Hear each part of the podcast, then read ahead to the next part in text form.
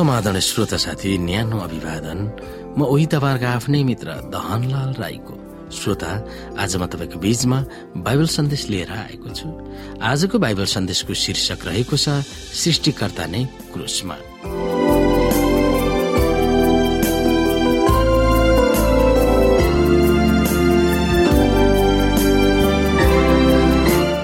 श्रोता हामी जतिसुकै अचम्मित भएर परमेश्वर सृष्टिकर्ता हुनुहुन्छ भनेर श्रद्धा भक्ति दिएर आराधना गरे तापनि त्यसमा अझ धेरै कुराको ख्याल गर्नुपर्दछ। हामीले हेरौँ र फेरि हेर्न आवश्यक छ कि हाम्रो सृष्टिकर्ता हाम्रो मुक्तिदाता पनि हुनुहुन्छ। जुन परमेश्वरले हामीलाई सृष्टि गर्नुभयो त्यही परमेश्वरले हामीलाई मुक्ति पनि दिनुहुन्छ। परमेश्वरले भन्नुभयो हामीले हाम्रै स्वरूपमा मानिसको सृष्टि गरौँ हाम्रै स्वभावमा मानिसलाई सृष्टि गरौँ। उत्पत्ति एकको छब्बिस। फेरि त्यही परमेश्वर जो क्रुसमा चिच्याउनु भयो एली एली लामा सब कथानी अर्थात् हे मेरा परमेश्वर हे मेरा परमेश्वर तपाईँले मलाई किन त्याग्नु भयो? म ती सत्ताइस अध्यायको छ्यालिस। परमेश्वरको भयो वा उहाँप्रति श्रद्धा देखाउनु र अझ उहाँको महिमा गर्नु र आराधना गर्नुपर्ने कारण यसुको वेदनाले कसरी देखाउँछ? के देखाउँदैन त? हामी त्यो विषयमा बुझ्न सक्छौ। हामी पतित मानिसले सृष्टिकर्ता परमेश्वर नै क्रुसमा अर्थात् आर्तनाद गरेको चम्मको सत्यलाई कसरी बुझ्न सक्छौ र त्यसको जवाफ हामीले कसरी दिने? तर पहिलो स्वर्गदूतको सन्देशले त्यसको जवाफ कसरी दिने भनेर हामीलाई सिकाएको छ।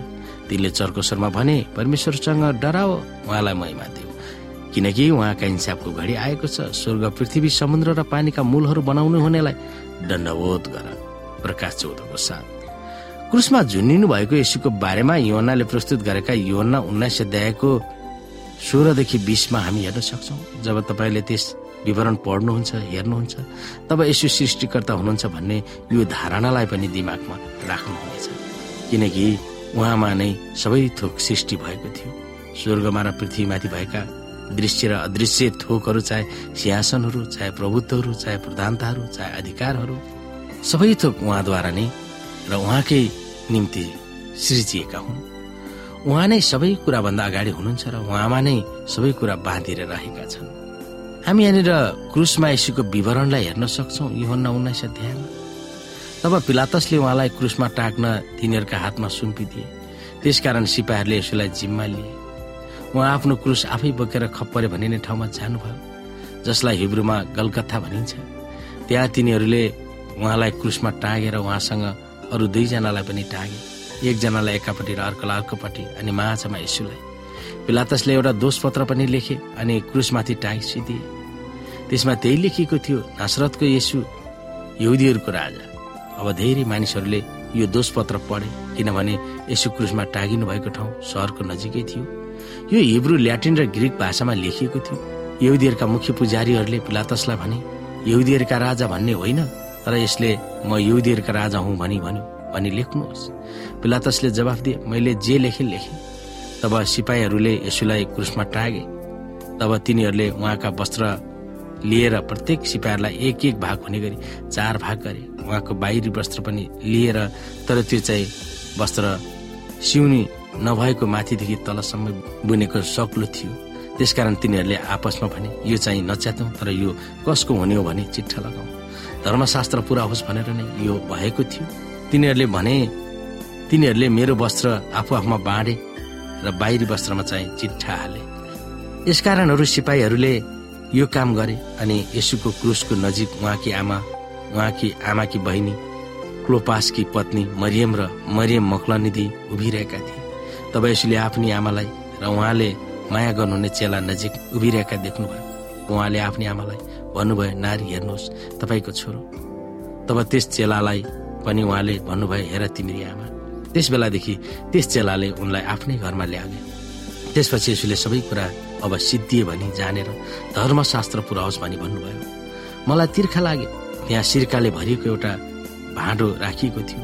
त्यसकारण सिर्काले भरिएको स्पन्ज एउटा हिसाबको हाँगामा राखेर तिनीहरूले उहाँको मुखमा पुर्याइदिए जब यसुले सिर्का लिनुभयो तब उहाँले भन्नुभयो अब सिद्धियो। र उहाँले फेरि शिर निहुर्याएर आफ्नो आत्मा त्यागिदिनु भयो।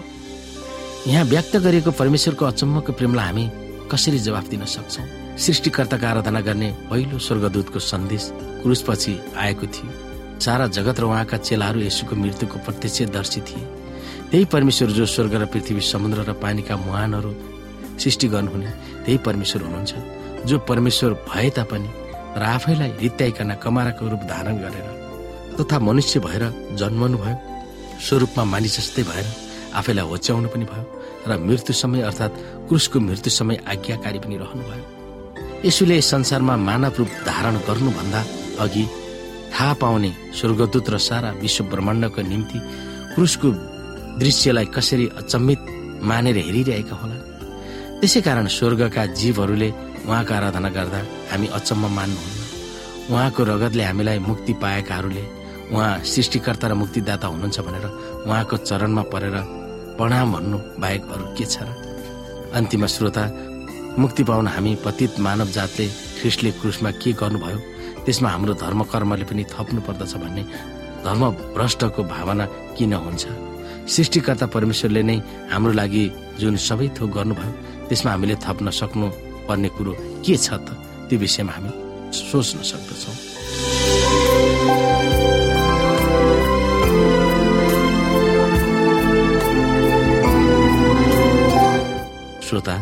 आजको लागि बाइबल सन्देश यति नै हस्त नमस्ते। जय मसिंह